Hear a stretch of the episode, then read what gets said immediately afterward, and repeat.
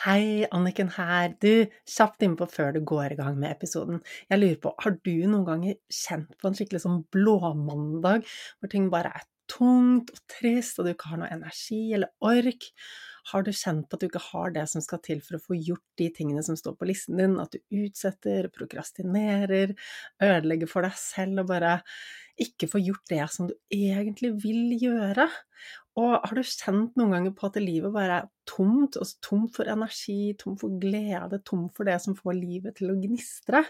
Jeg spør deg fordi dette her har jeg også kjent på, og jeg ante ikke at det faktisk var noe som jeg kunne gjøre selv. Altså faktisk hele nøkkelen til å få endret det ligger inne i meg, ligger inne i deg. Du har alt det som skal til for å få til den endringen. Denne kunnskapen finnes ikke ute i samfunnet. Burde vært pensum? Ja, absolutt. Og da jeg lærte det jeg nå kan i mentaltrening, så var det som om bare et stort lys gikk opp for meg, og endelig falt puslespillbrikkene på plass.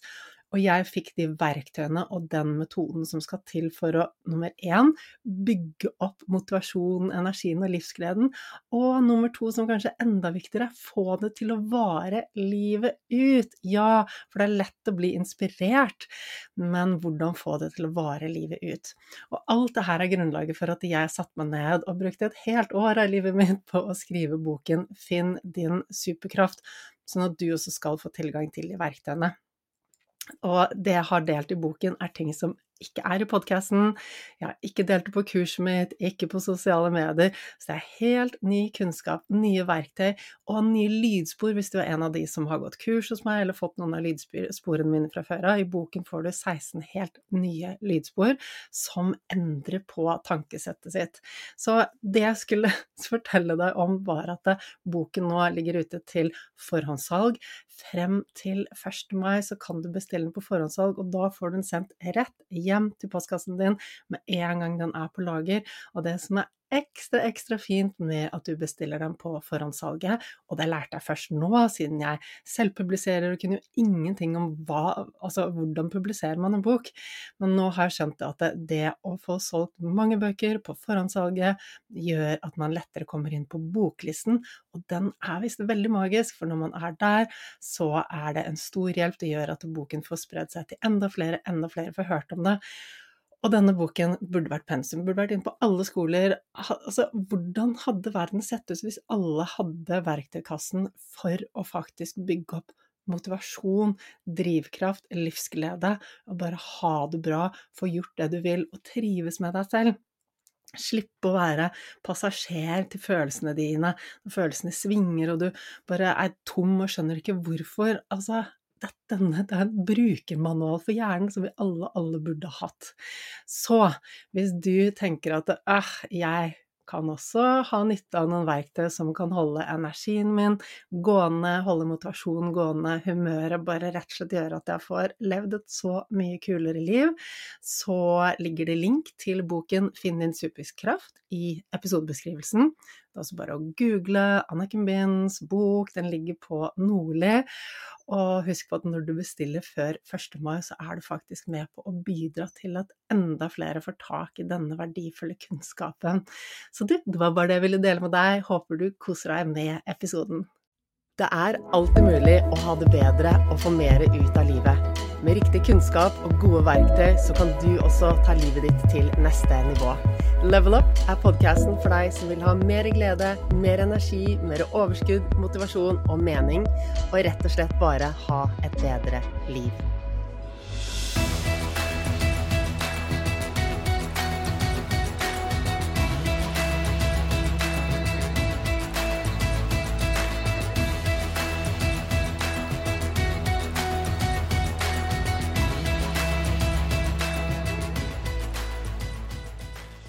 Hva er det egentlig med dagens samfunn som gjør at vi mennesker trenger å passe ekstra godt på?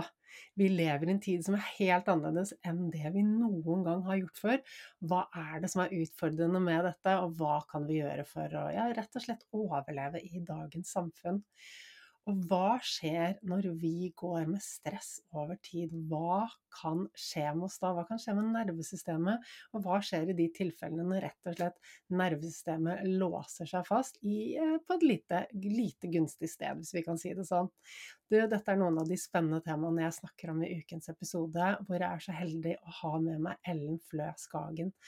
Hun er en gullgruve og sitter på så mye kunnskap om hvordan kropp og sinn henger sammen, og hennes spesialområde, det hun virkelig brenner for å jobbe med, det er de som virkelig sitter fast.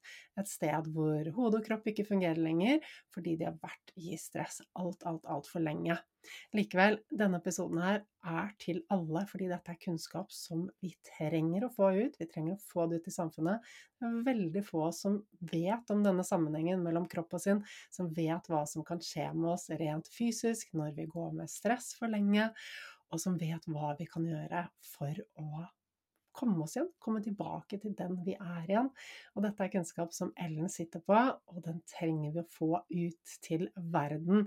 Så jeg håper du koser deg med episoden, tar til deg masse læring og deler det videre. Hjertelig velkommen til Level Up, Ellen. Det er så koselig å ha deg med. Det syns jeg òg, at det er veldig koselig å få lov å være med. Så tusen takk. Du, eh, du skal straks få lov å presentere deg litt, sånn at eh, lytterne kan bli litt mer kjent med deg. Men først og fremst så må jeg si at vi hadde jo egentlig en avtale litt tidligere i dag. ja, stemmer det. Hva skjedde der? Ja, hva skjedde? Altså, jeg sjekket og kom en melding fra deg, og det var godt, eh, en god stund senere enn det vi hadde planlagt. Og da sto det 'jeg er på plass, hvor er du?' Så vi hadde planlagt å spille en podkast tidligere i dag, og det sto rett og slett ikke i kalenderen min. Men sånt skjer. Du er vel bare et menneske du òg da, Anniken? jeg er bare et menneske. Men det som, altså, jeg må si at det er første gangen det skjer i forhold til en sånn podkastavtale. Likevel så, så sant, Den tidligere versjonen av meg ville jo kanskje gått inn i liksom, masse dårlig samvittighet og skyldfølelse og stress. Mm. Eh, og så kjente jeg at jeg, jeg, var litt glad. Altså jeg er ikke glad fordi at vi rotet til tiden din, eh, men jeg er glad fordi at det ikke brakte opp noe sånn dårlig samvittighet og skyldfølelse. Altså, ja, jeg føler på at det, har gjort noe med din tid, men det er likevel ikke noe jeg går, går og bærer på. Og så er jeg så glad for det, fordi den tidligere versjonen av meg hadde hele kalenderen inni hodet. så jeg gikk liksom og tenkte på alt jeg skulle gjennom hele dagen, hele tiden i hodet. Og jeg har tatt alt ut av hodet, og det er ned på papiret og ned i kalenderen. Det funker vanligvis fint. Akkurat i dag var det en liten glipp. ja. Men det er så fint at du kan se det sånn, for det er sånn jeg lever også. Det er det der at hver eneste lille ting som er litt uforutsett som skjer i livet, som ikke alltid er det du skulle ønske skjedde, men la det bli en øvelse i å se hvordan kan jeg møte dette på en eh, klok og lett måte. Det var ikke vond vilje, det var ikke dårlig intensjon, det er bare at jeg er bare et menneske. Og så er det jo opp til meg på den andre siden å møte det på en klok måte, at ikke jeg tenker ja vel, jeg er ikke viktigere enn det, nei, eller hun har vel ikke respekt, eller nå blir det masse problemer for meg. Det blir en øvelse i å lage det lett, for det er bare sånne ting som skjer. Det er sånn det er å være menneske. Så det er egentlig rett inn i den tematikken som både du og jeg er veldig opptatt av, og som eh, vi erfarer hver dag. Gjør livet ganske mye greiere, altså. Ja, og, og, det er så sant det du sier. Og det er, det er, liksom, det er de små tingene. Ja. Og hver eneste dag så er vi jo dukker det opp situasjoner hvor vi kan begynne å øve oss på å, eh, å møte ting mer konstruktivt. Og jeg må si at jeg ser jo ofte at uh, forskjellen mellom de som bare prater om det, og som forstår det, og som vet det, og leser om det, og hører om det, og ønsker seg det, og de som faktisk gjør det, det er litt sånn som du sier, du, du, praktiserte det. Du praktiserte det du vet og det du lærer, og tenk, vent litt nå. Hvordan skal jeg møte dette? Den gamle versjonen av meg ville gjort det. Jeg har et valg her. Nå skal jeg øve på å møte dette på en helt annen måte uten å falle inn i gamle mønstre og skyld og dårlig samvittighet. Og skape bare mer stress for alle, ikke sant. Ja. Fordi det forplanter seg jo utover. Det hadde jo jeg òg kjent veldig godt. Mm. Så at når begge to liksom praktiserer det helt ned i de små tingene i hverdagen, det er jo da man skjønner at man virkelig har begynt å leve på en litt annen måte, da. På en bærekraftig måte.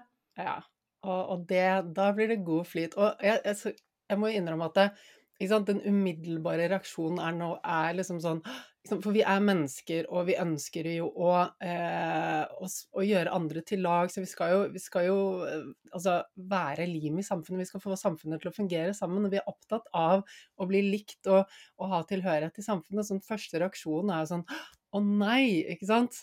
Og det er helt naturlig. Og så har vi et valg. Skal jeg fortsette å liksom henge meg ned i den? Å, hvordan kunne jeg? Hvorfor lå det ikke i kalenderen? Og hva tenker hun om meg nå? Skal man være med på den, eller skal man bare Oi, vet du hva, det er pinlig. Det er helt menneskelig. Jeg forklarer saken sånn som det er, og så gir jeg slipp på det. Yes. Og det er jo Jeg vet ikke hvor lenge Vi, vi kunne laga en hel podkast bare om den episoden. For, fordi vi har egentlig alt vi trenger i det eksempelet der i å forstå hva som er vesentlig. Da. Sånn at den lille episoden der, og det du sier nå, det er jo også det som er så viktig, det at ja, impulsen var den tanken om at å nei, hva tenker hun om meg nå, tenk om hun syns jeg er helt liksom sånn, og tenk om hun forteller til andre nå hvordan jeg egentlig er, og ikke sant. Så er jo det en impuls og en tanke, og, og så følger det med en følelse og en kjemisk reaksjon i kroppen og alt det der der. Eh, og eh, den eneste hensikten til den impulsen som traff deg der, det var å gjøre deg obs på er det noe du bør ta på alvor her, er det noe du bør gjøre med dette som er viktig, som hadde vært farlig hvis ikke du la merke til det, er det noe som kunne oppstått en farlig situasjon rundt det? Og det er jo der vi sier at ja, der fikk jeg en impuls, hvordan møter jeg den? For det er min det er mitt ansvar å møte den impulsen på en klok måte, og sende en impuls tilbake om hvordan jeg med stor J velger å møte dette. Så at det er en impuls, ja, og den vil alltid være der, fordi det er sånn vi er skapt. Det er sånn det er. Men så er det mitt ansvar hvordan møter jeg den impulsen, og hva, hva er mitt budskap tilbake til dette systemet som sendte meg den impulsen i beste mening. Og det er der man ofte tror at man må følge impulsen, men det må man jo ikke. Akkurat sånn som du viste nå, Anniken. Det er så utrolig fint uh, beskrevet, Ellen. Og jeg må jo si til deg at eh, jeg vet at min underbevissthet den visste at vi egentlig hadde en avtale i dag tidlig. Fordi at da jeg sto i dusjen, så var jeg sånn å, men jeg har jo snart en avtale med Ellen, og så, så, begynte jeg liksom å gå gjennom den podsamtalen i hodet mens jeg sto i dusjen. Så litt. Og det var ca. på det tidspunktet hvor vi egentlig hadde en avtale. Så ja. det var lagret et sted, det var bare ikke i bevis. Ja ja, det var jo der. Ja, nei. Interessant. Men du, nå har vi jo eh, røpet litt av hva både du og jeg brenner for. Kan ikke du si noen ord om deg selv, sånn at eh, lytterne blir litt bedre kjent med deg?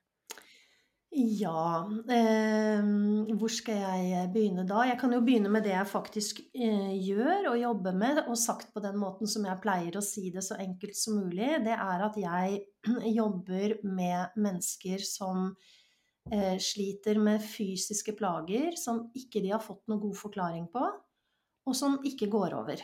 Det vi ofte kaller uforklarte plager, eh, eh, sammensatte plager MUPS, medisinsk uforklarte plager. Eh, jeg kaller det nevroplastiske plager. Fordi det, det, ligger en forklaring også i hvorfor disse plagene oppstår, og hva som er veien ut av det.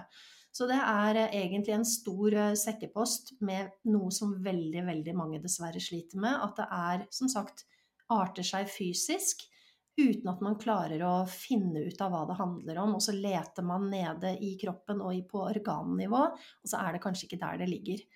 Så det syns jeg er kunnskap rundt denne dynamikken syns jeg er så utrolig viktig, og, og, noe vi trenger. Vi trenger det veldig. Fordi det er stadig flere i, vårt, i vår tid, i moderne tid, som, som kjenner til dette.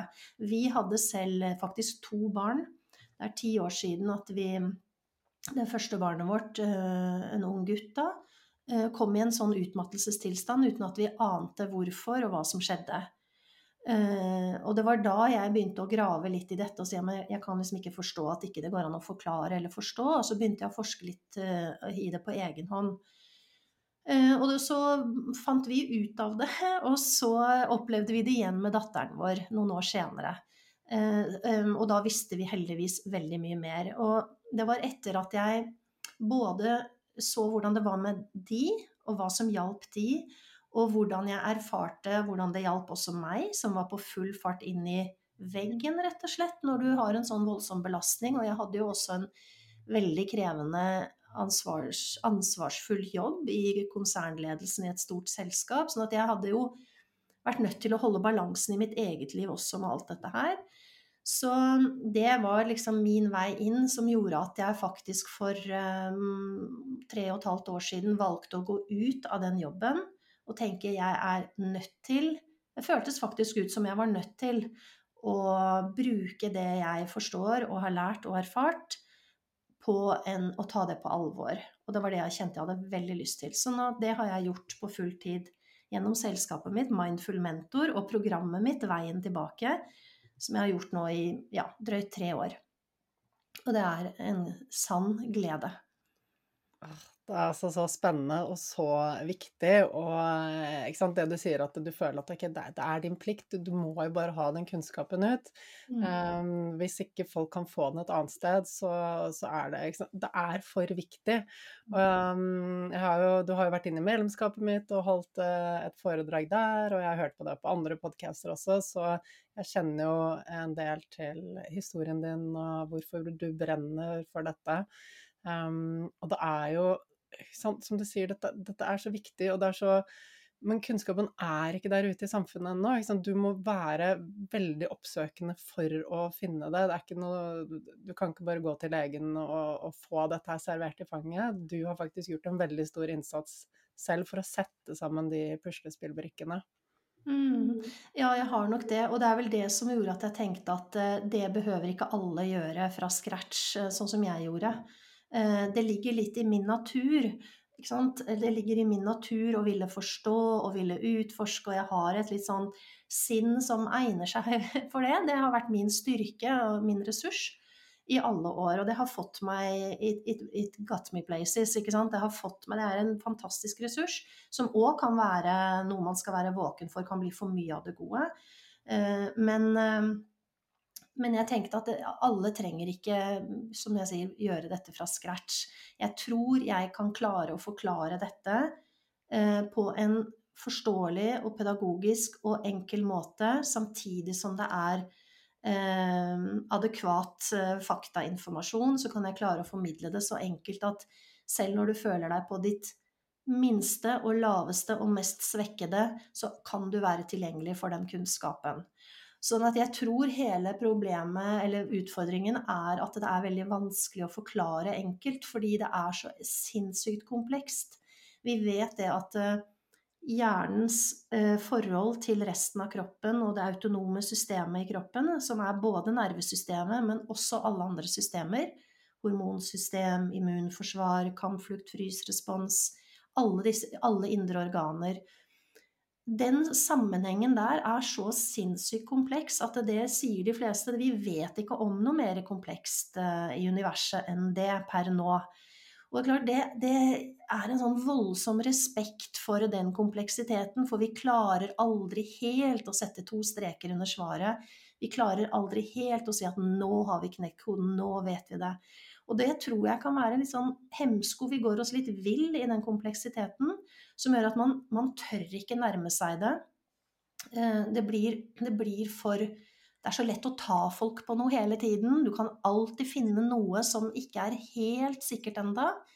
Og da tror jeg at noe av den menneskelige utfordringen er å forstå nok til at du kan ha nytte av det, og akseptere at vi ikke klarer å fange hele kompleksiteten, men at vi kan allikevel klare nok til at vi kan ha hjelp.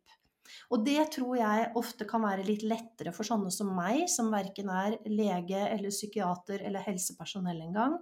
Jeg er egentlig både pedagog, jeg er kommunikasjonsmenneske, jeg er akademiker, jeg kan forstå komplekse sammenhenger og, og sette enkle ord på det. Det er det jeg har gjort hele mitt liv. Og jeg ser at det er kanskje den ja, den egenskapen og den kompetansen min som er det jeg bruker mest i denne jobben. Så får det heller gå litt på bekostning av kompleksiteten, men ellers så blir vi stående stille. er min erfaring, da. Så verdifullt. Og ja, det er jo som du sier, altså kroppen er jo kompleks. Hjernen, Mm. nervesystemet. Det er kjempekompleks, og selv de som forsker på dette og er virkelig er på toppnivå, de, vet, de sier jo selv at dette er kompleks, og de har jo ikke oversikt overalt. Hvordan skal vi da kunne ha oversikt? Og så er det som du sier da, ikke sant. Ok, skal vi sitte og vente til Da blir vi redde, da, ikke sant? Ja. Mhm. Skal vi sitte og vente til det er mer forskning, til vi har forstått mer? Ja, det er ting vi ikke vet. Skal vi sitte og vente til vi vet alt? Når vil, vil vi noensinne vite alt? Det vet vi jo ikke. Men jeg tenker liksom, da covid dukket opp, så var det sånn ok, vi vet egentlig ikke så mye, men her er det føre var-prinsippet som gjelder. Og vi satte jo i gang tiltak. Og kunne vi ikke bare brukt den samme holdningen litt i forhold Mm. til alle disse uforklarlige helseplagene? Vi har kanskje ikke alle fakta på bordet, men vi vet mye. Vi vet veldig mye. Og jeg tror at eh, vi skal også se litt på hvordan vitenskapsteori og vitenskapsfilosofi eh, historisk sett eh, er. Det er jo sånn at eh, vi vet veldig mye mer om de tingene vi prioriterer å få vite noe om. Og det handler da om ressurser, om penger, om eh, prestisje, om hvordan strukturen i helsevesenet er. Hvem skal eie midlene, hvem skal eie løsningen, hvis ikke løsningen ligger nede på det nivået. Det blir veldig vanskelig å vite hvordan man skal styre ressursene. Og så i tillegg er det et felt som er utrolig mye følelser i, utrolig mye frykt og usikkerhet rundt, som veldig mange syns er litt sånn for tungt, tung materie å jobbe med. Sånn at det, det blir kanskje ikke prioritert. Og da er det i hvert fall sånn at eh, da kan det gå tid. Vi vet det at før vi har to streker under svaret på forskning, så bør det gå eh, noen titalls år, og ennå så vet vi ikke alt. Og da har vi valget, som du sier, skal vi sitte og vente på det på et område som ikke prioriteres veldig, eller skal vi begynne å gjøre erfaringer?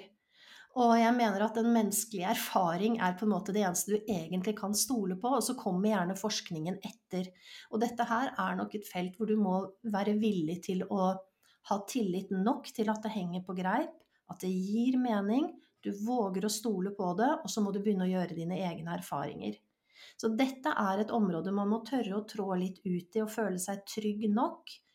Eh, og ha tillit nok, og at det gir mening nok, og så må du våge å ta det første skrittet selv.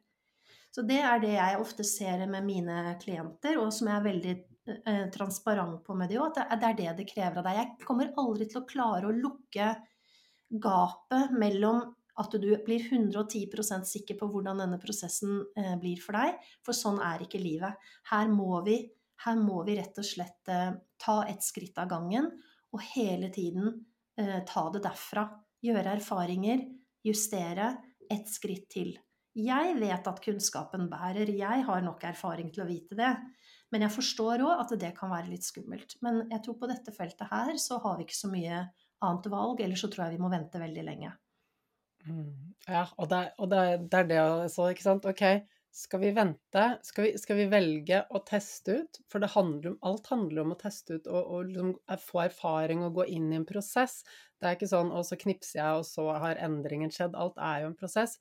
Skal jeg da sant, på den ene siden bare velge å vente, eller skal jeg gå inn i en prosess og begynne å ta på meg nysgjerrighetsbrillene, begynne å se hva dette kan være, um, og se hvordan endringen kan komme. Og det, det er jo ikke noe det er ikke noe enten-eller. Det, det er ikke sånn 'nå er jeg syk, nå er jeg frisk, nå har jeg ikke energi, nå har jeg energi, nå er jeg ikke glad, nå er jeg glad'. Det er jo ikke sånn det er. Det er jo et langt kontinuum her, hvor du, du er et eller annet sted på denne skalaen.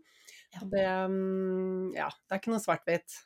Nei, og det er noe jeg også er veldig eh, opptatt av å si, det du sier der. At det er et kontinuum. Det er et sted hvor vi alle er et eller annet sted til enhver tid på den skalaen. Det er ikke sånn at det er noe fullstendig annerledes, eh, selv om du er veldig langt nede på den skalaen av ubalanse, av et dysregulert system. Vi har alle uregulerte systemer i visse situasjoner og hvor vi ikke takler ting så godt og sånn, så det er bare snakk om graden av det.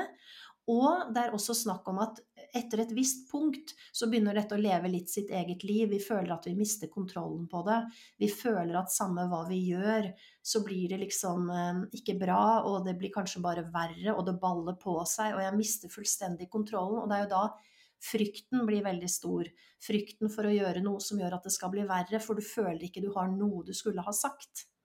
Eh, og det er nok den som er den største hemskoen for mange, at jeg tør ikke røre Jeg sitter bare stille i båten. For jeg har erfaringer med at hvis jeg prøver å gjøre noe som er gode råd, så risikerer jeg at det kanskje blir verre, og jeg har ingen kontroll på det.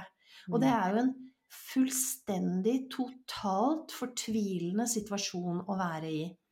Og, og, det er jo der jeg må prøve på en måte å gi noen smuler av at hvorfor er det sånn?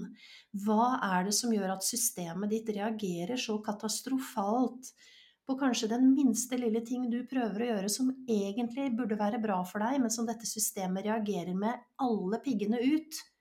Det er det ikke sikkert det hadde gjort hos meg og deg, for vi er ikke vi er ikke helt der på den skalaen, og det har heller ikke rukket å sette seg som en autopilot, en hard kobling enda. Men når du gjør det, da kan dette her bli ganske brutalt.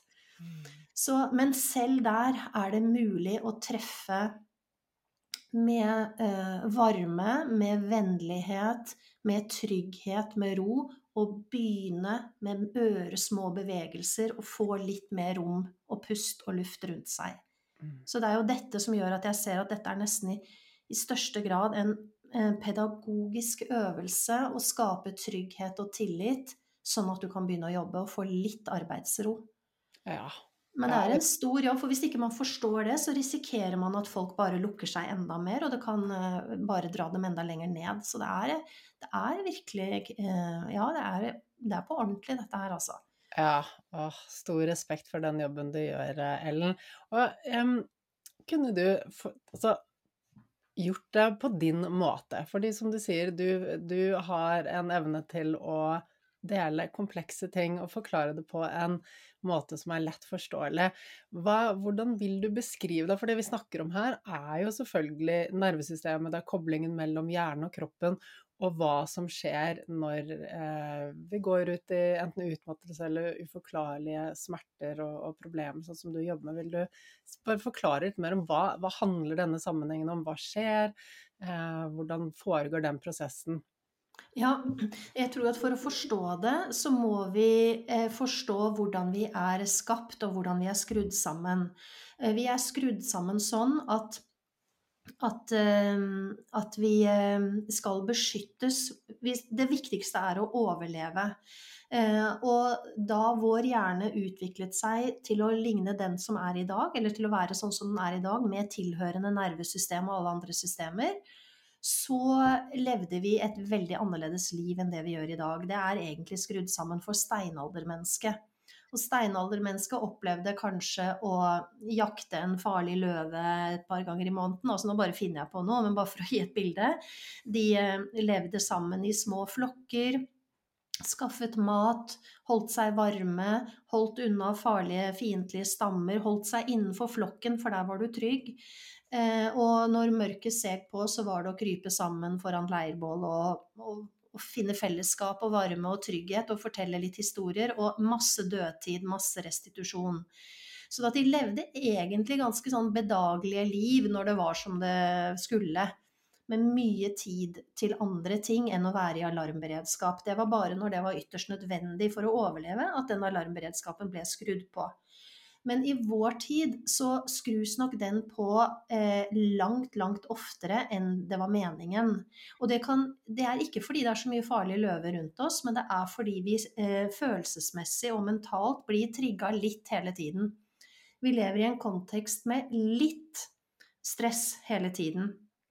Eh, sånn at hvis ikke vi er våkne og regulerer, sånn som du gjorde når du oppdaget at du hadde eh, glemt en avtale, da var du i stand til å regulere og si det går fint. Nå, det er ikke noe krise dette her. Vi finner bare en ny tid. Du klarte å regulere systemet ditt ned igjen, sånn at det ikke var noen faresituasjon. Hvis du ikke hadde gjort det, så kunne det ballet på seg.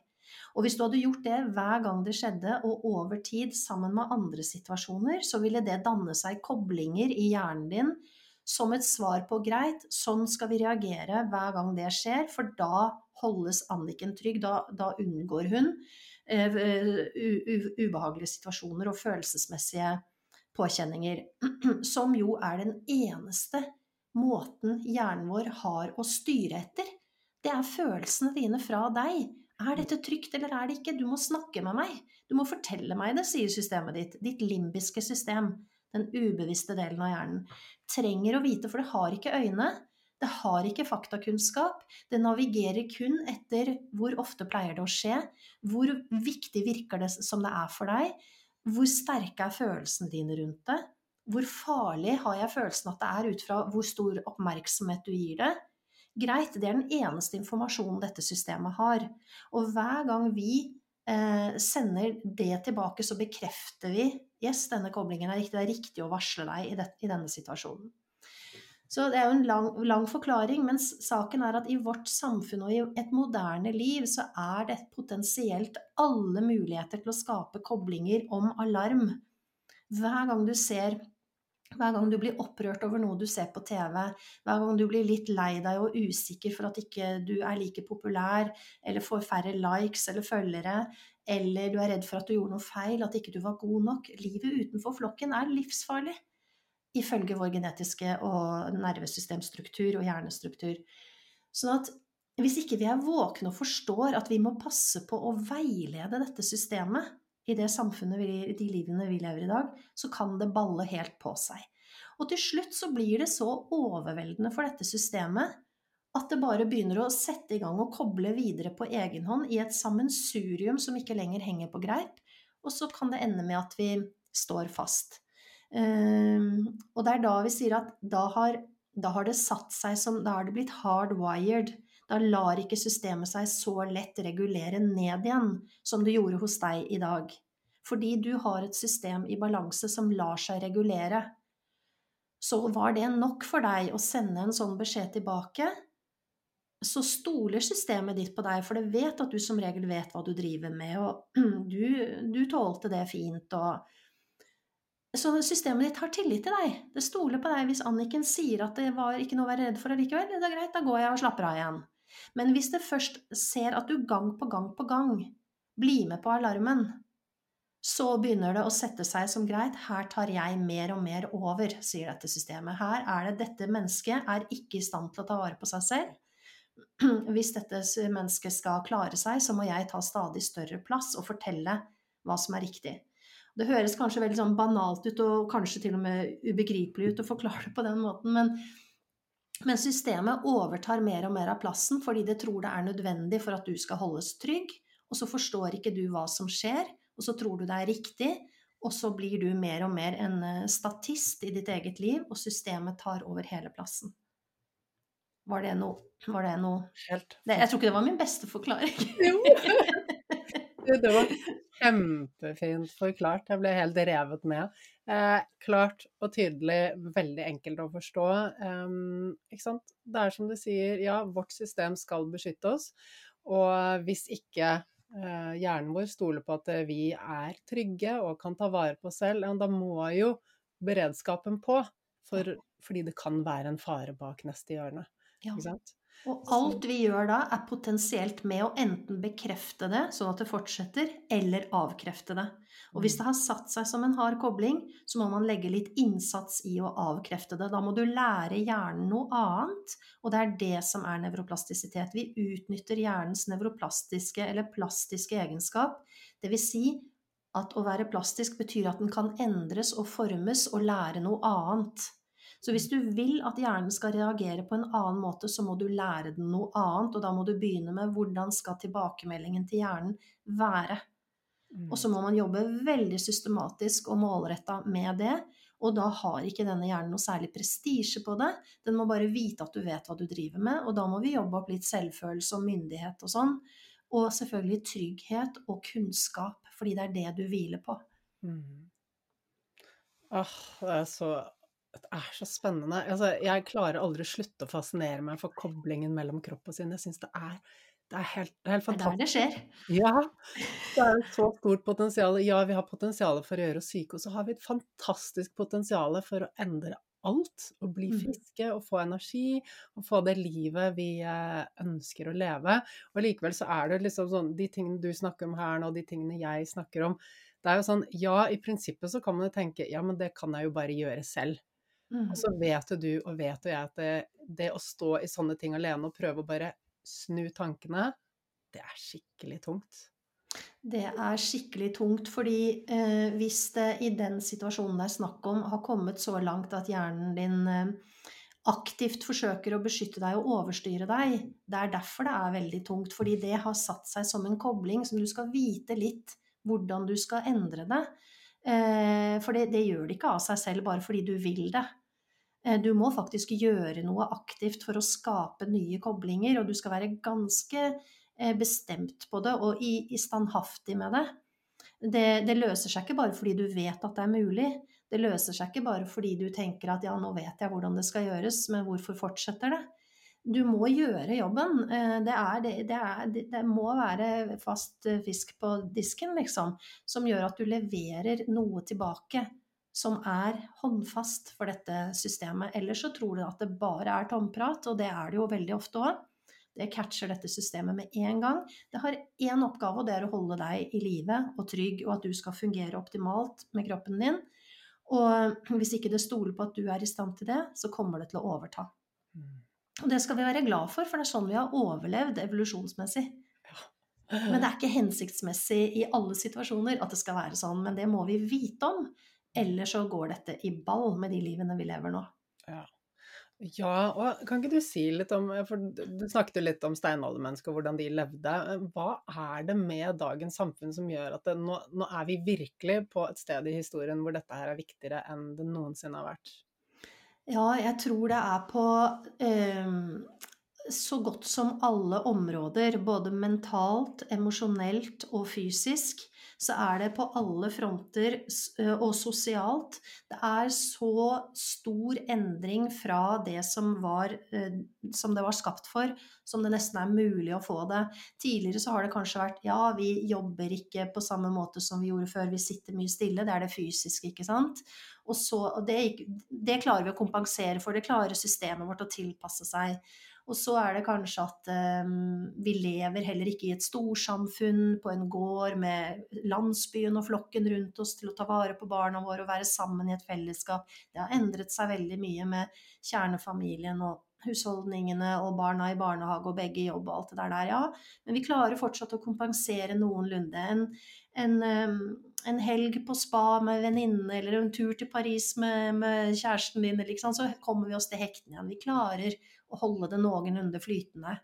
Men det er klart, når du blir på alle fronter samtidig, og ikke minst det mentale, ved å ikke føle seg god nok, være redd for at jeg ikke beholder jobben min, være redd for, bekymret for verdensfreden, for pandemien, for krigen i Ukraina eller i, på Gaza.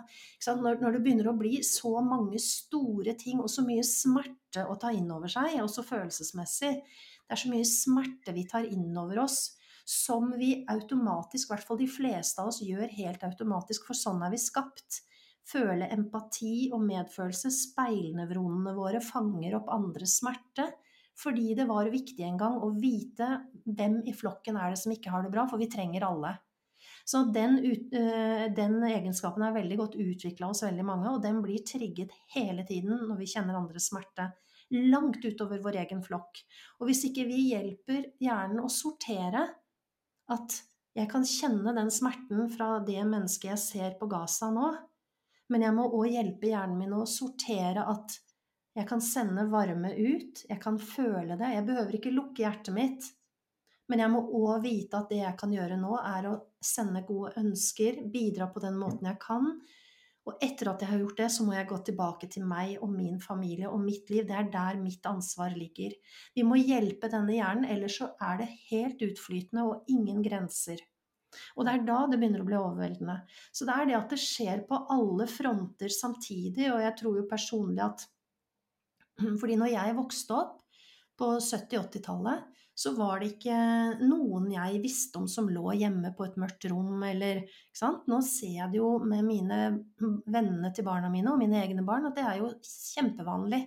Og på arbeidsplassen så er det mange som er hjemme og ikke fungerer. Mm. Så og hva har skjedd da, de siste fem-ti årene? Jo, jeg tror det er den digitale smartphone-revolusjonen. At vi i tillegg til alt dette er på hele tiden. Mm. Og så, sånn at det er the perfect storm, da. Vi lever i en tid nå hvor det er muligheter for the perfect storm. Og det er enten så lærer du deg hvordan du skal kunne leve bærekraftig med det uten å lukke deg helt ned, frivillig eller ufrivillig. Eller så lærer du deg hvordan kan jeg utnytte bevissthet, hjernens plastiske egenskap, forstå hvordan vi er skrudd sammen, og skape hele endringen der, og da kan ingenting av dette true deg lenger. Mm. Så jeg tenker at, um, at um, det er en mulighet. Men det kommer ikke av seg selv, og jeg tror dessverre at stadig flere vil oppleve og kjenne på kroppen at dette krasjer. Enten ved å møte veggen, eller ved at en liten ting kan være det som velter hele lasset. Jeg har så mange hos meg som har dramatiske historier og alvorlige sykdommer eller infeksjoner eller covid eller kreftbehandling eller traumatiske hendelser, men veldig mange også som ikke har det. Det var den ankelen som brakk, eller det var den eh, det lette slaget mot hodet som ble portalen inn for dette systemet til å begynne å overta. Fordi mm. det lå et underliggende stress der og usikkerhet og kanskje lite selvfølelse i bånn. Og da eh, er det tilsynelatende ikke så mye som skal til, men det er alltid veldig mye. Det er bare toppen av isfjellet. Mm. Så jeg, jeg, er litt redd for at eh, mange vil oppleve det, men det tenker jeg òg er nettopp det som kanskje må til. Fordi vi skaper ikke den endringen med mindre vi må. Så, så veldig mange av de som eh, jeg snakker med, jeg, jeg vil heller ha med en for lite enn en for mye. Fordi jeg vet at det dette krever av dem Du må ha kommet til det punktet hvor du tenker Sånn som dette kan jeg ikke ha det lenger. Mm. Dette går ikke. Jeg er nødt. Nå har jeg prøvd alt. Jeg har fortsatt mye liv i meg. Jeg har fortsatt mye vilje i meg, men jeg aner ikke hvordan jeg skal gjøre det. Det eneste jeg vet, er at her kan jeg ikke bli. Og den motivasjonen, da kan du begynne å jobbe. Mm. Men bli med bare fordi det høres artig ut, eller bare for å finne Det er ikke viktig nok. Det er ikke viktig nok. Kom tilbake når du må. Eh, det er i hvert fall min erfaring når det er kommet til det punktet.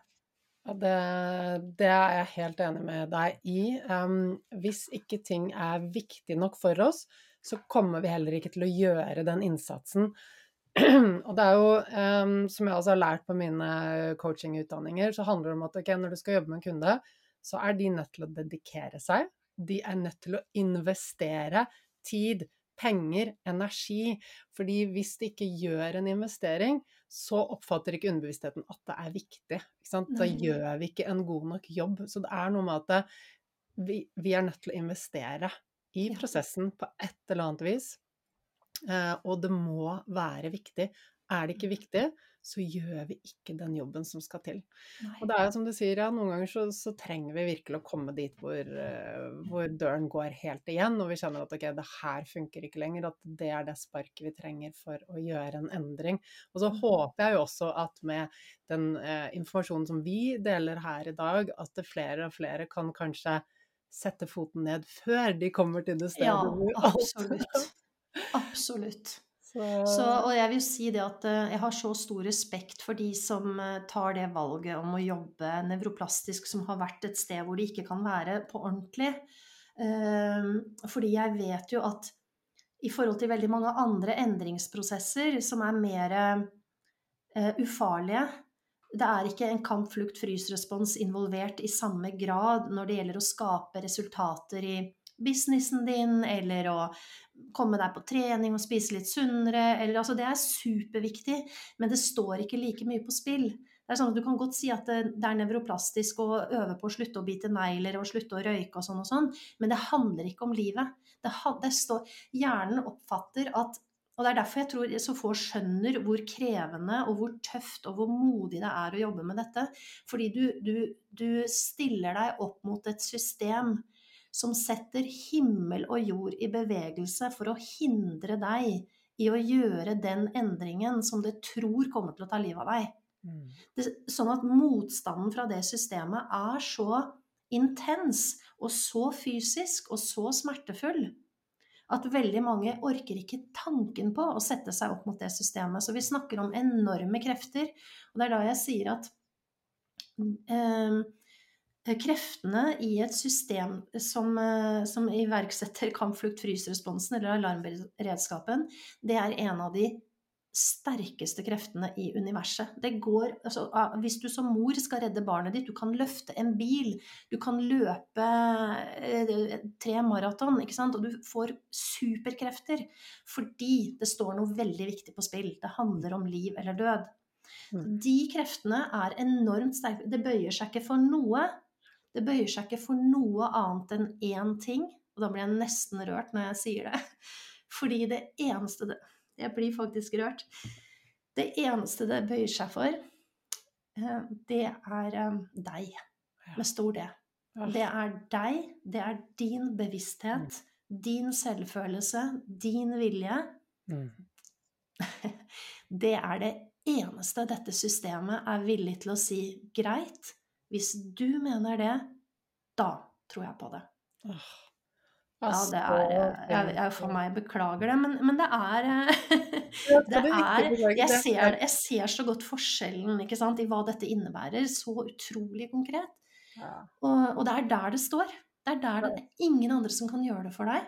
Men når du oppdager det og erfarer det, mm. wow, altså. Da er du ikke redd for noe lenger. Jeg får helt gåsehud av det du sier. Og, og jeg er så enig. ikke sant? Noen vaner er litt sånn OK, jeg skal bare komme i gang med mer trening, eller som du sier, slutte å bite negler. Det handler ikke om overlevelse. Nei. De vanene, ikke sant, og mye av det jeg Selv det er vanskelig, ikke sant? Ja, selv det er vanskelig. Og som jeg får så mange som bare Å, kan du ikke bare si til meg hvordan jeg eh, slutter med ikke sant, det f.eks. noen har en vane at de raider godteskuffen hver kveld, eller overspiser, eller Um, så sier jeg ok, ja, vi, jeg har masse øvelser som vi kan liksom, endre det mønsteret i hodet, men årsaken til at du gjør det, er jo fordi hjernen har lært at det her holder deg i live av en eller annen mm. grunn. Mm. sant? Og når de vanene vi har som er knyttet til overlevelse, så er det ikke bare å bruke litt viljestyrke og prøve å endre det. Vi må jobbe dypere. Og det er som du sier, det er den sterkeste kraften noensinne. Fordi at eh, ditt indre system tror at du dør hvis du ikke gjør denne tingen. ikke sant? Så det er, en sånn, det er en kamp på liv og død. Og det å tenke at du bare kan bruke litt viljestyrke og endre en liten vane, eh, det funker jo ikke. Så vi må mer i dybden. Og jeg ser også at eh, hos veldig mange så er dette med eh, å slappe av, det å koble til en frykt nettopp for det samme. Um, jeg har opplevd flere av de jeg har jobbet med som f.eks. har hatt eh, kanskje eksempel, hatt en, en, syk foreldre da de var små. Og så har den andre forelderen sagt ok, nå er det fint at dere hjelper til siden mamma er syk, ikke sant, ligget på sofaen en stund, eller pappa. Um, det er fint at du, du hjelper til, ikke sant. Helt, det er en bagatell, det er helt uskyldig. Men underbevisstheten til et barn vil jo lagre det som dette er på liv eller død. Ja. Fordi mm. for et barn, da, det må vi tenke på, for, for en overlevelse er det viktigste for alle, hele veien. Og spesielt for et barn. Og for et barn så er foreldrene det som er viktig for overlevelse. Hvis ikke foreldrene kan ta vare på barnet, så vil barnet være utrygt og tenke at verden er farlig. Ja. Og derfor vil et barn tenke at ok, det er, det er, mitt ansvar å hjelpe til nå, sånn at uh, mamma eller pappa holder seg frisk, eller hva det nå er. Så mm. i voksnes øyne så er dette en bagatell, men en barnehjerne er ikke ferdig utviklet, kan ikke forstå at dette er ikke barnet som skal holde foreldrene i live ved å hjelpe til med å dekke middagsbordet, eller hva det er. Men, men det, bare, dette er et eksempel, og liksom, det dukker opp veldig mange lignende eksempler når jeg jobber med mine kunder at de på et eller annet tidspunkt i eh, livet sitt har lært at det er livsfarlig å hvile. Ja. Og det kan mm. også være verdt det at eh, vi kommer fra en familie hvor vi alltid går på jobb selv om vi er syke, og vi hviler ikke, det er for latsabber. Det Kan vært en kommentar. Bestefar sa nei, hvile er for eh, latsabber, eller et eller annet sånt. Det kan være bare en, en bagatell, som har bare mm. kastet ut litt eh, sånn sleivete. Og det når et barn hører sånne ting fra foreldre, omsorgspersoner, besteforeldre, så lagres det som en sannhet, ikke mm. sant? Eh, og når vi da skal begynne å lære oss til å hvile, så stritter jo hele systemet imot. Yes. Og da må vi inn og jobbe med nettopp dette at hjernen din, altså i underbevisstheten, så ligger det en læring om at det er livsfarlig å hvile. Eh, og det må vi også da ta hensyn til, istedenfor bare tvinge oss selv til å sitte ned og meditere eller hvile. Når hele systemet stritter imot, så er kanskje ikke det det første tingen vi skal gjøre. Nei, det er nettopp det. Så det så, og det er så godt eksempel det du gir deg der, for det viser jo nettopp det som du sier nå, at Eh, dypest sett, til syvende og sist, så handler dette systemet kun ut fra én logikk, og det er at du skal overleve. alt handler om liv eller død for dette systemet, som du sier. Sånn at selv det som da kan virke som en som en bagatell, som å, eh, som å, hjelpe til å dekke middagsbordet, som du sa, eller pass, være litt stille, for mamma må hvile, eller så kanskje hun er og, at det er på en måte mitt ansvar, og det blir min skyld. Hvis ikke det går bra, så er det jo fordi jeg ikke gjorde det. Eh, sånn at det er som du sier, det er jo der disse mønstrene våre skapes. Og det er der disse mønstrene, som du sier, og setter seg som læringer som denne hjernen vår gjør at er den tryggeste og smarteste måten for deg å operere i verden på. Da holder du deg trygg, da unngår du negative reaksjoner fra andre som også er veldig ubehagelige, og som blir sånn navigasjonsinstrument for hjernen vår. At hvis det blir veldig ubehagelig, og du også er litt redd for å gjøre feil, og det virker som en smart ting å gjøre som de voksne ber meg om, så blir det den, det mønsteret som setter seg som et nettverk av koblinger, så at du skal slippe å tenke og finne opp kruttet hver gang du er i en sånn situasjon. Mm. Du skal ikke behøve å tenke over det. Da skal bare hjernen trykke på den knappen. Og så går du rett inn i det mønsteret fordi det er hensiktsmessig. Det er jo tanken. Det skal være lett for deg å leve i verden uten å behøve å tenke fra scratch hver gang. Mønsteret er hensiktsmessig. Mm. Men så er det igjen, også der må vi ha på bevisstheten vår, sånn som du gjorde når du fikk den impulsen ut fra du, avtalen vår i morges så, så, så, sa du vent litt nå, er dette hensiktsmessig? Er det sånn jeg vil reagere på det? Og det samme må vi også med mønsteret. Vent litt nå, er dette mønsteret her hensiktsmessig for meg alltid? Det kan godt hende det er det i mange situasjoner, men er det det alltid? Fører det meg dit jeg vil, eller holder det meg der, der jeg er? Jeg sier ikke at det nødvendigvis alltid er nødvendig å bryte alle mønstre. Men jeg sier at det, det, er veldig lurt å vise systemet sitt med jevne mellomrom at jeg har hele skalaen på registeret, ikke bare ene enden. Så at hvis du er en person som er veldig forsiktig, og kanskje lærte det tidlig, da, at det var det barn skal ses, men ikke høres, du, du er ikke viktig, eller du får vonde opplevelser rundt at du en gang sa din mening og ble latterliggjort, eller det kan være mange grunner så lærer du et mønster om at det er best å være stille. Det er det behageligste og tryggeste. Så blir det et mønster. Og, det, og, det, er ikke noe i veien med et sånt mønster. Det er ikke alle som har i sin natur å alltid speak up their mind. Det er ikke nødvendig heller.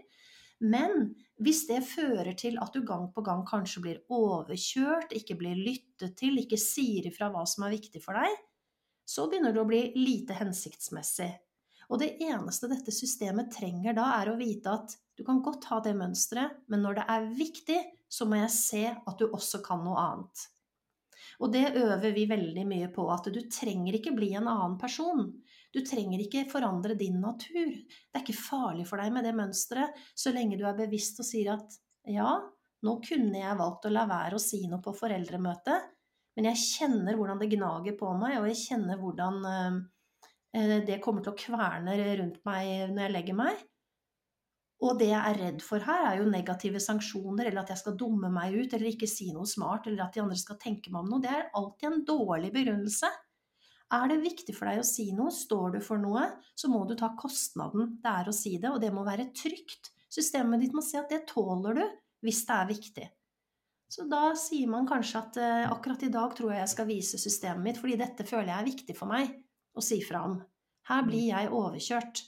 Så nå går jeg til sjefen min, eller jeg går til klasseforstanderen, eller jeg går til mannen min, eller hva som helst, og sier 'vet du hva, akkurat dette her', og så prøver vi å gjøre det nøytralt og fra et rolig sted, at du var akkurat det der, der reagerte jeg litt på.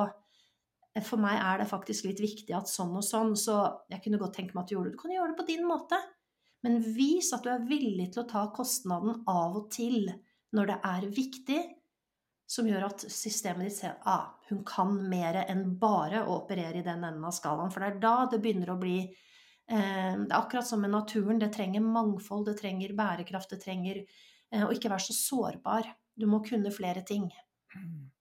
Ah, så fint det du sier. Og, og, du sier at ok, noen ganger må vi ta kostnaden. Og så tenker jeg sånn, ok, og hva blir kostnaden kostnaden av å bære det med seg, da, og ikke stå opp for seg selv og ikke si ifra. Ja. For den kostnaden blir jo på sikt mye større. Mye større.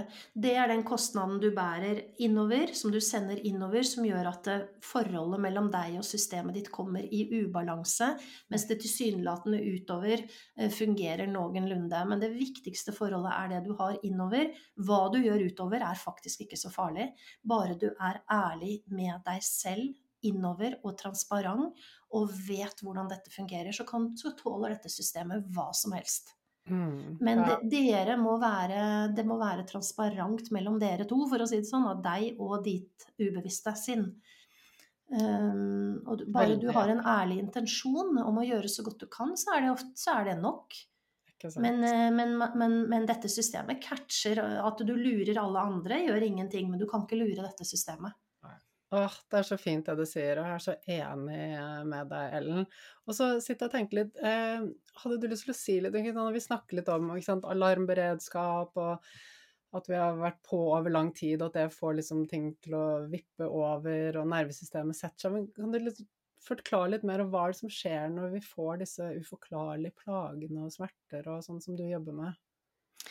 Ja, hva som skjer er jo helt sånn fysiologisk enkelt forklart at eh, eh, av ulike grunner så har det satt seg da disse koblingene, og på bakgrunn av responsen fra deg så setter de seg kanskje enda hardere, og så begynner det å balle på seg derfra.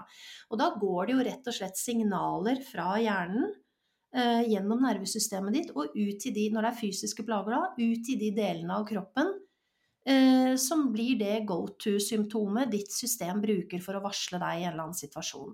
Det kan være hva som helst. Det det, dette systemet er kreativt. Det vil sende alle de signalene som det merker har størst effekt på deg i å holde deg der du er. Så hvis det er vondt i lillefingeren, så får du vondt i lillefingeren. Fordi hvis det er noe annet, hvis det er migrene, hvis det er emosjonell overveldelse, hvis det er vondt i magen, hvis det er vondt i foten, det er hele tiden hva skal til for å holde deg trygg i gåseøynene. Det er det signalet som, som, dette systemet merker har størst effekt på å holde deg der du er. Så det er alltid interessant å se eh, Og jeg slutter aldri å overraskes over hvor kreativt dette kan være, og at det også kan flytte seg. Det er også veldig typisk med nevroplastiske plager at hvis vi tar tak i en av, en av symptomene og jobber med situasjoner rundt det, så kan dette systemet akseptere at greit, eh, vondt i ryggen, ok, jeg kjøper den, men da bare flytter jeg det litt. Ja, da fikk jeg liksom vondt i øret isteden. Sånn at det, det er jo det typiske at det flytter seg, det vandrer, det er ikke forutsigbart. Det vil til enhver tid lete etter eh, smutthullet som gjør at du tenker nei, dette går tydeligvis ikke. Det er nok best jeg lar være. Eller nei, her forsterkes symptomet så mye at dette tør jeg bare ikke. Eller gjør jeg noe feil nå, for nå dukka det opp noe jeg ikke har kjent på lenge. Det, alt handler om å teste at du virkelig mener det du si, driver med, og hvordan du møter det med trygghet og ro, og gjerne ta en pause, ikke noe problem, men du må hele tiden være klar over hvor du skal hen, og hva som er riktig. Og være forberedt på at dette systemet kan finne på mye artig. Og, og så jobber vi med frykten, ikke sant. Så, så, vi gjør det stille og rolig og vennlig, men vi vet hvilke krefter som er i sving. Og derfor har jeg veldig respekt for de enkleste øvelser som for de fleste mennesker bare virker superbanale og merkelige og teite. Som handler om følelser, som handler om visualisering, som handler om affirmasjoner, som handler om kroppsspråk, som handler om ord, som handler om tekst. Som handler om Vi prøver å treffe dette systemet på alle mulige måter som vi vet at det forstår. Det har modenheten til en fire-femåring, så det må være konkret. Det må være enkelt, og det må helst være følelser og repetisjon og, og, og, og myndighet. Eh, ja, da gjør vi det, da. Da er vi smarte nok til å sette oss ned på huk og få kontakt med dette systemet på dets premisser. Mm. Uh, så, så, det er det å på en måte forstå at dette systemet kan finne på mye, men hvis vi møter det på en klok og kunnskapsrik måte, så er dette fullt mulig å få til på en varm og smidig måte. Det er bare hvis vi begynner å pushe og krasje og tvinge det fram, det anbefaler jeg ikke. Det blir un unødvendig ubehagelig for alle. Ja, og, det, det, vi vet, er jo at eh, når vi gir motstand mot noe, hva som helst i hele verden, så vil det bare øke. Motstand gir bare mer motstand uansett hva det er. Spesielt når du jobber, uh, jobber, med det indre systemet som er giret mot at du skal overleve, og det er det eneste som er viktig. Og da nytter det ikke å, å prøve seg med motstand, for det gjør bare ting Nei, noe som er mye lurere da, for det der jobber vi ganske mye med inne hos meg, det er at man kan kjenne motstand f.eks. mot å gjøre øvelsene, enn det er det her, det er snakk om å gjøre enkle ting som å stå på gulvet og si affirmasjoner og visualisere og sånn. Du skader ikke kroppen din på noen måte ved å mm. jobbe mentalt og emosjonelt med bare positive ting. Det er ikke mm. mulig å skade kroppen på den måten. Så vi må liksom holde fast i sunn fornuft og forstå at det er vårt system som sender den motstanden for å beskytte deg og hindre deg i å gjøre noe som skaper kanskje en endring, som ikke det vet hva er enda, og derfor vil de ikke at du skal gjøre det. Så istedenfor da, som mange sier at ja, men jeg får det ikke, jeg tør ikke, det går ikke, jeg bare kjenner motstand, jeg får symptomer, jeg prokrastinerer, jeg utsetter, jeg kan vel heller kanskje gjøre noe helt annet, er ikke det like greit? Nei. Gå head on. Fordi Men ikke push deg ut på gulvet og gjør øvelsene. Legg det vekk. Stopp først og snakk med systemet ditt om det. Få det opp, vær transparent. Snakk til det på en personlig måte, som om det var noe du forholdt deg til som et annet menneske, eller en del av deg selv. Ditt indre barn kaller jo mange det. Men si det at ah, nå legger jeg merke til at du er litt redd for kanskje at jeg skal gjøre noe som kanskje er skadelig for meg, men det kan jeg forsikre deg om, det har jeg ikke tenkt til. Altså sånn holder vi på og prater med oss selv. Jeg skal bare gjøre noe som jeg tror er veldig bra for meg, som er litt uvant og merkelig kanskje, men jeg kan love deg, jeg kommer til å ta vare på kroppen min, jeg kommer ikke til å skade meg. Jeg skal bare gå litt rundt på gulvet og bable litt og sånn og sånn og sånn, og etterpå så tar vi det rolig. Du kan stole på meg. Mm. Og så sier jeg, og legg merke til hva som skjer etter at du har gjort det. Jeg vet ikke hvor mange meldinger jeg har fått etterpå. Vet du hva? Det la seg med en gang, og jeg gikk ut på gulvet og gjorde det jeg skulle. Det var bare det systemet trengte, at du fortalte hva du drev med, og hva som var hensikten din, og at du tok ansvaret. Jobbe med systemet istedenfor å prøve å overkjøre det. Ja. For da roper det bare høyere, akkurat som du sier. Ja, så utrolig, utrolig fint. Og det er jo ikke sant, Du jobber med en liten gruppe, det vet jeg, ganske tett, og gir de oppfølging. Og, og, det vet du, det er jo helt nødvendig for å få resultater. Det å stå i en sånn prosess alene, det er veldig tungt. For det første så handler det om å få kunnskap, sånn at man blir trygg på at ok, det er ikke noe galt med meg, det er det og det her som skjer. Og så mm. få veiledning gjennom prosessen. Eh, fordi det dukker opp så mye spørsmål og utrygghet underveis, og bare det å ha noen som, som holder deg i hånden, veileder deg og, um, svarer på spørsmålene dine, betrygger deg når du tviler, det, det er gull verdt, eh, Ellen. Du, eh, så liksom, før vi runder eh, av her nå, hva, hva, er dine beste tips hvis noen som lytter her nå er litt sånn ja, er usikker på om det å jobbe med nevroplastiske plager, eller om de har nevroplastiske plager, og det å jobbe på den måten du snakker om, er det, er det, liksom, er det noe for dem? Eh, hva, er dine tanker? Hva, vi, hva, har du lyst til å si til de som lytter og sitter litt og tenker er, dette, er, er jeg en av disse som har behov for å jobbe med dette, eller ikke? Ja, og det tipper jeg du vet ganske godt sjøl. fordi er, er, du ved det punktet at sånn som dette kan jeg ikke ha det lenger, eller er du ikke? Eh, det er min erfaring at du vil prøve veldig mye annet før du prøver dette. Fordi det krever noe av deg, og det føles kanskje litt sånn skummelt å skulle ta det ansvaret selv. Så derfor har jeg veldig sånn stor respekt for at eh, la det modnes. Eh, følg brødsmulene Kjenn etter om det resonnerer og gir litt mening, og bare gi det tid hvis du trenger tid. Dette løper ikke fra deg. Det å gjøre det når timinga er riktig og det føles mer modent, kan spare deg for mye tid i prosessen, istedenfor å begynne nå bare fordi du tvinger deg selv til det med masse rygger inn i det uten å egentlig ha veldig lyst til det, da.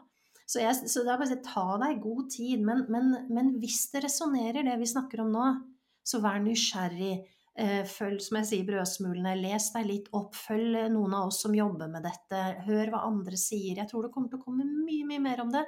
Hør hva legen din sier om det. Stadig flere leger peker i denne retningen. Det erfarer jeg veldig ofte. Og rehabiliteringssentre og eh, psykologer. Jeg har med mange av de hos meg, som går hos meg selv og ser at det kommer til kort, det de jobber med selv innenfor eh, legekontoret eller psykologkontoret, så, så, så, kommer de tilbake til kontoret sitt og pasientene sine med helt ny erfaring og ny kunnskap. Sånn at dette kommer mer og mer, men ikke stress med det. Kjenn etter om det resonnerer, om tida er moden, og om du er nysgjerrig. Og så kan vi alltids ta en prat. Jeg tilbyr jo førsamtaler. Vi tar en prat, og så tar vi det derfra. Mm. Å, så fint, Ellen. Så ja, de som er interessert i å vite mer om det du snakker om, og eventuelt ta en prat med deg, hvor er det folk finner deg? Da vil jeg først og fremst peke på Instagram-profilen min, som er eh, Veien tilbake, nedestrek Ellen Flo Skagen. Der legger jeg ut veldig mye og oppdatert rundt ja, hver uke, flere ganger i uka. Så der får man med seg veldig mye av hvordan jeg jobber og erfaringer jeg gjør og tanker jeg gjør meg. Og så kan det være lurt å gå inn på nettsida mi, mindfulmentor.no. Der kan man finne introduksjonsvideoen min, man kan ta kontakt med meg, man kan se litt om er mine plager nevroplastiske? Det er en del kunnskap og, og, stoff som ligger der, som man kan surfe litt rundt på. Det er et sted å begynne. Så fint. Jeg skal ta og legge link til både Instagram og nettsiden din i episodebeskrivelsen, sånn at folk lett kan finne det. Du Ellen, så fantastisk å ha deg med. Vi, eh, jeg kunne sitte der og pratet mye lenger med deg. Nå skal vi videre i en annen avtale. Uansett, tusen, tusen takk for at du var med i dag, Ellen. Og tusen hjertelig takk for at jeg fikk eh, komme. Hva sitter du igjen med nå etter å ha hørt episoden? Kanskje du er på et sted hvor du har uforklarlige plager, eller hvor du er utmattet, eller kanskje du ikke har noe av det i det hele tatt. Likevel så vet jeg at du også lever i dagens samfunn med en kropp som er tilpasset det å leve i steinalderen, og den kunnskapen du nå har fått, den er helt uvurderlig for at du skal kunne overleve i dagens samfunn. Når du begynner å skjønne hva det vil si å være påskrudd så mye, og hva det faktisk kan gjøre, så vil det også hjelpe deg til å ta hensyn til deg selv Skru av alt av skjermer på kvelden, legge deg tidsnok, skru ned belysningen på kvelden så systemet får ro. Slapp av med god samvittighet, bare ta deg gode pauser. Og en av mine favorittmåter å ta en pause på, er å lytte til en yoga nidra lydfil. Det er en avspenning som er så utrolig effektiv, som tar deg ned veldig raskt på et sted hvor du restituerer og slapper av. og Ti minutter av yoga nidra kan erstatte én time med søvn, viser forskning. Og det øker dopaminlagrene dine, så det her er vinn-vinn. Så jeg legger en link i episodebeskrivelsen hvis du vil laste ned min yoga nidra lydfil som jeg har spilt inn til deg. Dette er noe jeg bruker hver eneste dag selv, så kan du laste den ned. Det er helt gratis og helt fantastisk måte å få hentet deg inn på. Jeg er jo den typen som ikke alltid har likt å ta pauser, men når jeg gjør en yoga nidra avspenning, så er det noe Det er en aktiv form for hvile, så det kjennes så mye lettere ut. Så om du kjenner at du har behov for å roe systemet ditt litt ned, så er det en av de raskeste måtene å komme i gang med det på. Og du finner også lydfilen ved å gå til annikenbinds.com skråstrek yoga nidra. N-i-d-r-a. Nidra betyr søvn. Selv om du ikke sover når du hører på de lydfilene, så vil det erstatte søvn. Det tar deg dypt, dypt ned i hvile. Altså helt, helt, helt genialt. Og du, Ellen jobber jo med de som virkelig eh, er utmattet, de som har uforklarlige plager og er helt rå på det. Så er dette deg, så gå til henne og få hjelp. Oppsøk eh, nettsiden hennes, Instagram-kontoen hennes. Og det vi også snakket om i starten da, av episoden, hvordan forholde seg til verden, det er jo det jeg hjelper deg med. De tankene som begynner å spinne rundt når du begynner å lage La meg si drama da, av ting som ikke trenger å være det. Jeg kunne lage drama av at jeg ikke eh, hadde fått med meg at jeg hadde en avtale med Ellen, eller jeg kunne gjøre som jeg gjorde, som var å møte det på en veldig konstruktiv måte. Den måten du møter verden på, har alt å si for hvor mye stress du skaper inni deg, hvordan du føler deg, helsen din, energien din, resultatene dine. Det har alt å si, og det er det jeg hjelper deg med. Så min ekspertise er rett og slett å få ryddet opp sånn at du møter verden på den mest mulig konstruktive måten, så du kan ha mest mulig energi, Ikke, ikke alle disse energityvene som er bekymringer, som er tankekverner, alle de greiene, men rett og slett et konstruktivt tankesett som bringer deg dit du vil. Som tar av bremsen på bremsepedalen og gjør at du raskere får de resultatene du vil ha. Fordi det er helt klart og tydelig, hvis du bruker opp hele dagen, eller hele dagen, hvis du bruker opp store deler av dagen på å henge deg opp i ting, på å bære på ting, på å gå og kverne på ting, da kaster du bort mye unødvendig energi. Så det er det jeg hjelper deg med. Men har du da er du utmattet, har uforklarlige plager, trenger hjelp i det å snu den prosessen, så er Ellen den personen du skal gå til. Likevel så er det sånn som jeg alltid sier til alle dere som tar kontakt, å, hva skal jeg gjøre hvis jeg er sånn og sånn, og hvilket kurs bør jeg gå, eller hvor, hvem bør jeg jobbe med? Så sier jeg alt, gjør alt. Ikke samtidig, selvfølgelig, men jo mer vi gjør for å eh, utvikle oss selv, jo lengre kommer vi. Det er ikke én ting som kommer til å fikse alle tingene dine. Mitt kurs kommer ikke til å fikse alt for deg. Eh, kurset til Ellen kommer ikke til å fikse alt til deg. Går du til en PT, så kommer det ikke det til å fikse alt for deg. Går du til en ernæringsfysiolog, så kommer ikke det til å fikse alt for deg. Det er summen av de tingene du gjør, som kommer til å gi deg resultater. Og så er det én viktig ting til å ta med. Hvis du ikke investerer tid, energi, ressurser i det du ønsker å få til, så får du ikke til noe. Du kommer ingen vei hvis du ikke legger inn en investering. Vi, jeg tror mange bare ønsker at endringen skal komme av seg selv, den skal være gratis, man skal slippe å gjøre en innsats, det skal bare komme en endring. Men sånn funker ikke verden. For at vi skal få et resultat, så trenger vi å legge inn noe tid, energi, ressurser, gjerne alle de tre. Da vil vi verdsette prosessen, og vi vil gjøre en innsats. Og når vi gjør en innsats, så får vi resultater. Uten innsats så skjer det ingenting. Og dette er det jeg prenter inn igjen og igjen hos mine kunder, eh, dere som går kurs hos meg også, at resultatene kommer når du gjør en innsats. Det er viktig at du verdsetter det, det er viktig at du vil ha en endring. Kanskje du trives med sånt som livet ditt er nå, så er det også helt greit. Men vil du ha en endring, vit at det krever en investering. Og så ta med deg dette at en investering, det er noe som får noe til å vokse. Det blir mer. Du putter noe inn. Tid, energi, ressurser, et eller annet. Putter det inn, og så får du mer igjen. Det vokser, det blir mer. Så de positive resultatene overgår i stor, stor grad det du putter inn. Og det er viktig å ta med seg. Jeg tror mange er liksom redd for å putte penger inn, eller bruke tiden sin, eller bruke energi, og hva hvis det ikke funker, da er kastet bort hva da? Tid og energi, eller har blitt skuffet, eller Men bare vit at det, hvis du ikke legger inn noe, så får du ikke noe igjen. Så det var dagens lille siste alvorsord til deg. Jeg vil jo at du skal få resultater, jeg vil at du skal få endring. Og da trenger du å begynne å snu tankesettet ditt rundt dette også, og vite at det er når du gjør en innsats, når du investerer, det er da du kan høste fruktene. Ok, så du tagg gjerne Ellen og meg på sosiale medier når du hører på episoden. Del med oss hva du synes, hva sitter du igjen med, hva er spennende?